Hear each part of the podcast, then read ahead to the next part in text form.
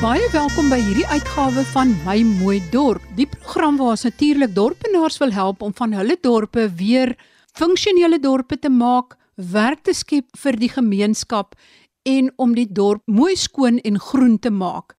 Behuising is een van die groot kwessies in Suid-Afrika en elke liewe dorp en stad het groot probleme wat agterstand in behuising betref. Moontlik moet mens met nuwe oë kyk na informele behuising. En dalk het die shack builder Quentin Adams die antwoord met sy super shacks wat hy bou. Want baie meer super shacks kan gebou word in 'n kort tydjie terwyl dit baie langer neem om die amptelike formele pad van huise van sement en bakstene te volg. Bloot omdat daar so baie red tape is. Vandag kyk ons na 'n nuwe interessante wending op die gebied van informele behuising. En in die tweede deel gesels ek met Dr. Erns van Jaarsveld, bekende botanis, oor bome van die Ruigteveld. En ek fokus juis hierop omdat 'n dorp in die Ruigteveld en dit is natuurlik Kirkwood in die Sondagsriviervallei onlangs bekroon is vir hulle pogings tot skoonmaak en vergroening en verboming van die dorp. Maar eers kyk ons na 'n interessante gebeurtenis op die gebied van informele behuising. Ek sit hier om 'n tafel met 'n paar jong Noorweegse argitekte en ook Quentin Adams wat bekend staan as die Shack Builder. Quentin, vertel gou, hoe het dit gekom dat hierdie vier jong manne na Suid-Afrika toe gekom het Wat gaan hulle hier doen en wat hoop julle om te bereik?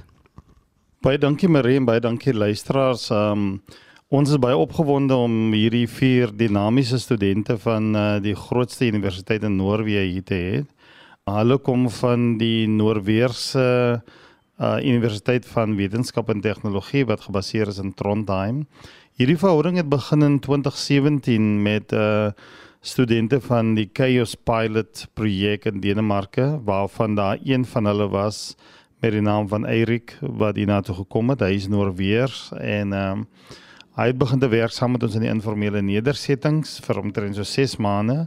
En toe gaan hy terug en toe vertel hy ons van sy vriend wat ehm um, meestersgraad doen in argitek.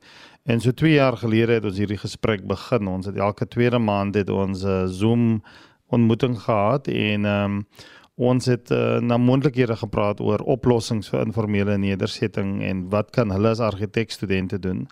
En toe vlede jaar het 'n groot ding gebeur as ons het 'n uh, aanbieding gesamentlike aanbieding gedoen aan die Verenigde Nasies se virtuele konferensie waar ons gesprekke gehad het en aanbiedings gedoen het uh, in Kanada oor ons werk by die Urban Economy konferensie.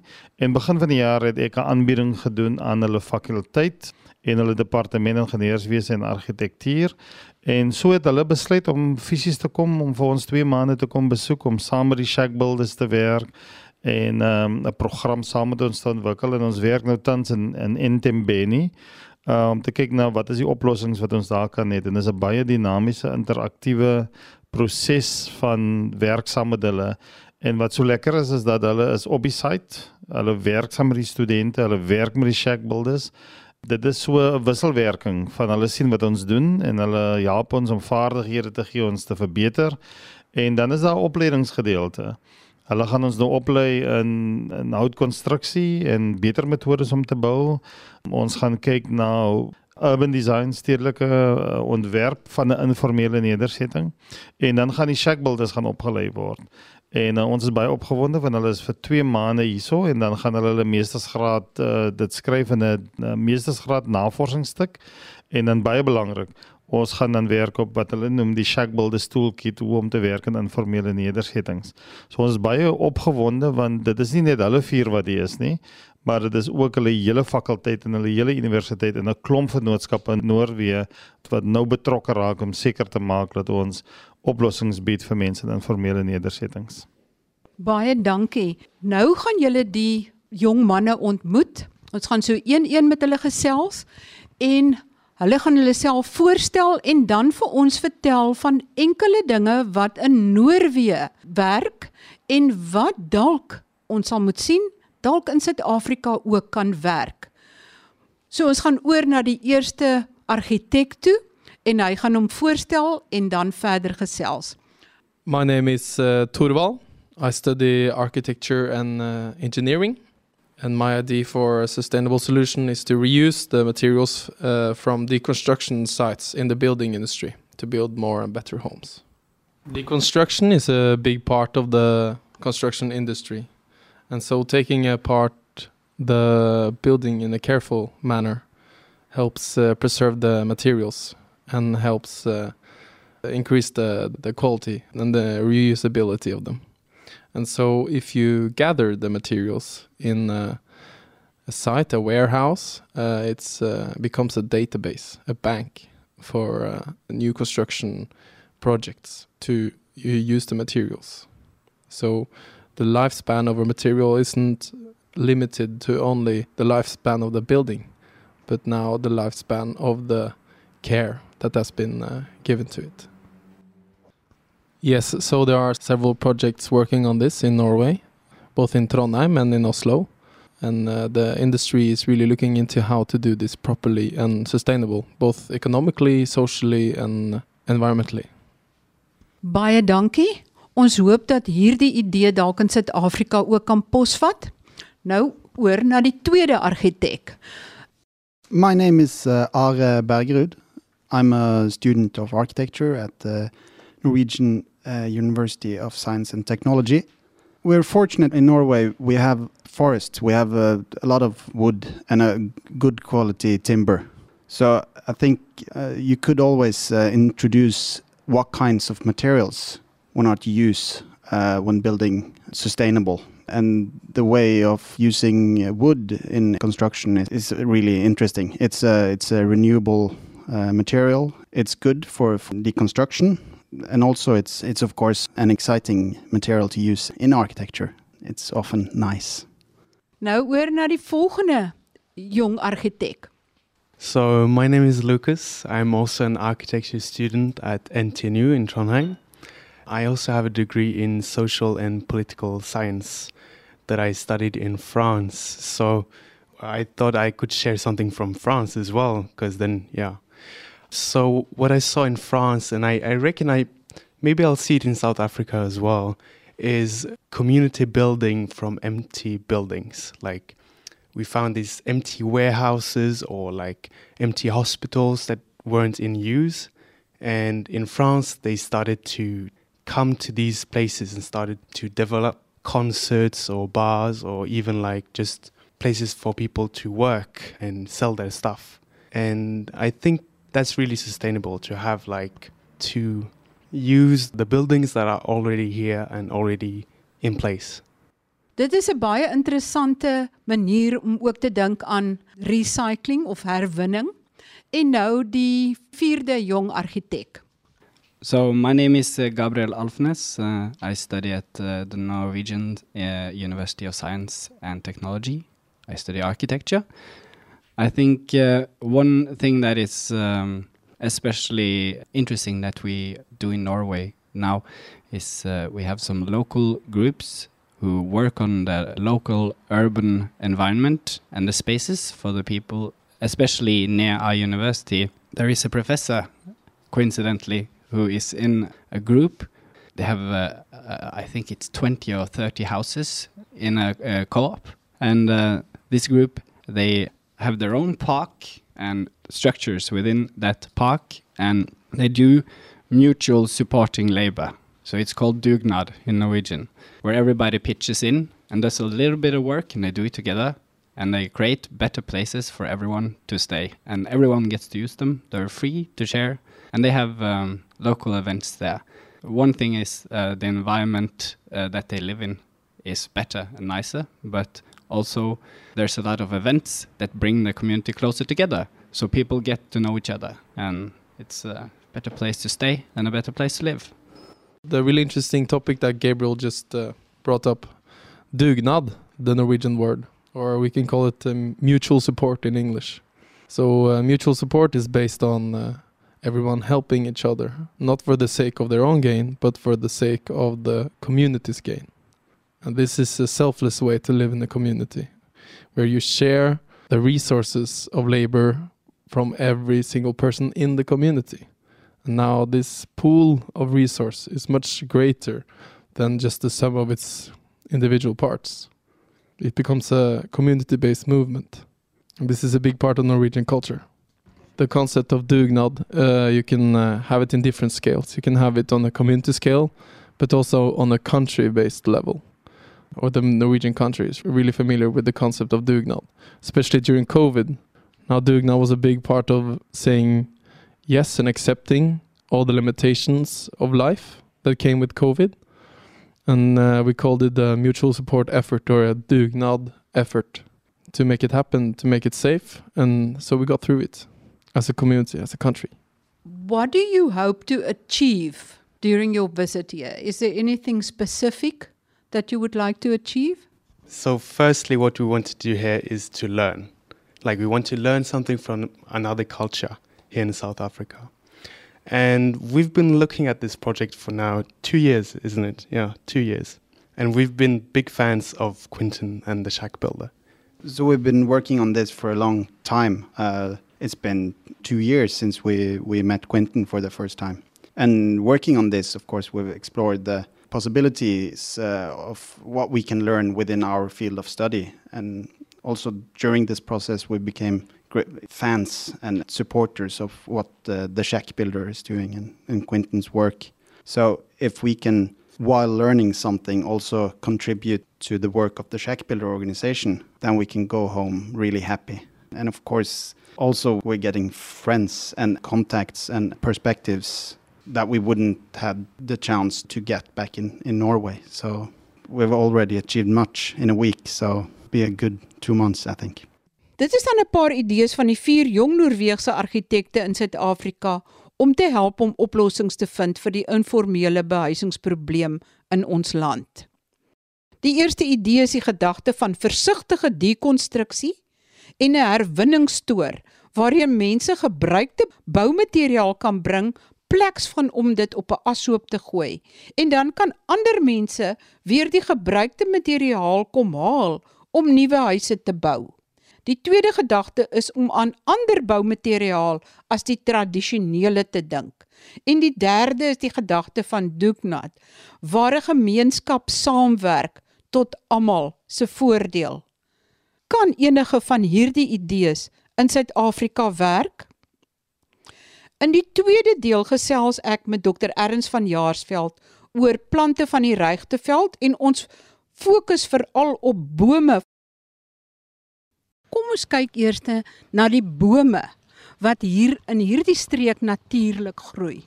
Wat interessant is hierdie deel het ook 'n hele paar endemiese soorte wat net voorkom in die Ooskaap en nêrens anders. En ek ek dink byvoorbeeld aan die Ooskaapse witgat. Dis Boschia oleoides, terwyl jy ou Bosveld witgat natuurlik uit die noorde. So dis een van die soorte en dan dink ek ook aan die kraans esseboom. Atalaya capensis en ons het juis hier van hom gevestig en dat nou hulle die pragtigste ou helikopter vruggies en as die vruggies natuurlik met die wind afgewaai word dan kom hulle af soos 'n helikopter. Maar hulle is 'n immergroen uh, boontjie wat baie maklik groei en dan die buig my nie. Smelophyllum capensis net so 'n interessante een wat endemies aan die Oos-Kaap is en dan ook die Kaapse sterkastaing. In die Kaapse sterkastaing Sterculia alexandri kom net voor in daai regte veld en hy's eintlik baie skaars, maar hy groei eintlik maklik van steggies en ook van sy saad. En sy saad is eetbaar. So mense kan daai as daai peeltjies, hy sulke doringagtige pele, die Sterculias. En as jy sy peel oopbreek, kan mens daai saad net so eet. En dit was vroeër benut deur die koi mense in die omgewing. Maar die saad is ook maklik as jy vars saad kry, jy kan hulle uitsaai. Hulle sal baie maklik opkom maar van steggies ook. So dis 'n baie besonderse boom want al die Sterculia soorte sit in die noorde. En skielik het jy hierdie Sterculia alexandri of die sterkastaing eh, van die Ooskaap wat net in daai paar valleie voorkom en hy's verskriklik droogtebestand. Hy't taamlike uh, vet stam ook. So's 'n baie mooi boom. Mens kan hom ook snoei en daai snoeisels kan mense weer gebruik om net weer 'n paalsteggie in 'n ander plek in te druk en dan sal hy ook groei. En dan dink ek ook aan olienhout. Olienhoutboom wat eintlik oral oor ons land voorkom, maar baie baie goed aard en ook in die in die Vallei Bosveld en ek dink aan die ou Basterolien, Bidlea saligna. Net so 'n wonderlike 'n klein boontjie, die wit stinkhout ook selfs. Dan dink ek aan die doringkaree, Cearcia Longispina en Longispina beteken lang dorings uiteindelik en dan die taaibos en dan die Gamtoskiepersol. Die Gamtoskiepersol uh, is Cousonia gamtosensis, so hy's vernoem na die gamtoos en hy het mooi valblare met baie dik leeragtige blare, sulke blouerige blare. En dit maak eintlik 'n pragtige ou klein boontjie in daai vallei bosveld en hy toring dikwels boom uit en dan die gewone ou bosveldkiepersol kom ook daarvoor. So dit kan mense ook gebruik en al die kiepersol soorte het daai vet wortels. En dit maak hulle baie baie droogte bestand, maar mens moet maar versigtig wees. Doen nie te na 'n paadjie plant nie of te na in die huis, daai wortels kan op tye skade aanrig. Dan dink ek ook aan katdoring, Scutia martina. So die katdoring is 'n uh, ook 'n digte struik en hy sy doringkies is soos 'n kat. Hy sal ook 'n goeie veiligheidsheininkie. Mense kan hom eintlik baie snoei ook. En ek dink byvoorbeeld aan die haakdoring, Acacia caffra en dan die ou veldvy, Ficus burdavi. Alhoewel hy 'n willevy soort is, word hy nooit baie groot nie. En sy wortels is gewoonlik nie aggressief nie. So jy kan hom ook gebruik as 'n heininkie. Maar ek weet die mense wat bonsai uh, boontjies maak van hom en dis een van die beste boontjies wat bonsai potensiaal het is die ou veldvy.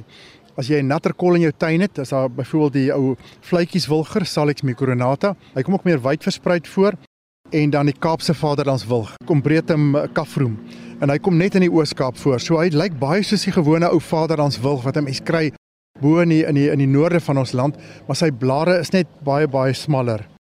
Nog 'n interessante boontjie se kasuur, Pittosporum vir die florum, immergroen, baie baie mooi en ook 'n sukses gehard. Dan die wynbessie, die Doviale zeierie. Daar's een baakhout wat uh, die Oos-Kaapse baakhout, Greya flanagani. En dis 'n pragtige plant, leeragtige blare. Sy blare lyk amper soos 'n malva, maar 'n groot struik, klein boontjie en hy het die mooiste bottelborsel uh, blommetjies wat deur suikerbekkies bestui word. So ek hoop maar in die, in die toekoms sal hy baie vermeerder word omdat hy so maklik groei eintlik in beskikbaar gestel word aan mense en dan ook die knoppies hout. Hy het ook 'n ander naam, die Operapram, Xanthoxylon capensis en die keiappel natuurlik. Die keiappel is reeds baie gewild. In die somer, juis hierdie tyd van die jaar sien mense oral dat die vruggies lê op die grond. Sy vruggies is baie baie suur as jy hom eet, maar as hy nou goed ryp is, dan is hy minder suur. En dan uh, dink ek ook aan die ou Kaapse kastaaiing. Calodendrum capense. Dis 'n moed vir daai tuin eintlik. Want die bome kry jy ook byvoorbeeld in die bosveld, selfs in die in die in die Nysna woude. Maar wat hom besonder maak, altyd hier oor Desember en in Januarie het hulle daai besonderse pink blomme wat daai sommer sulke kolle in die bos en ek is seker maar jy jy's wel bekend met hulle daar in die Oos-Kaap. En hy groei maklik. Soos hy eers gevestig het, hy behoort ook aan die sitrusfamilie.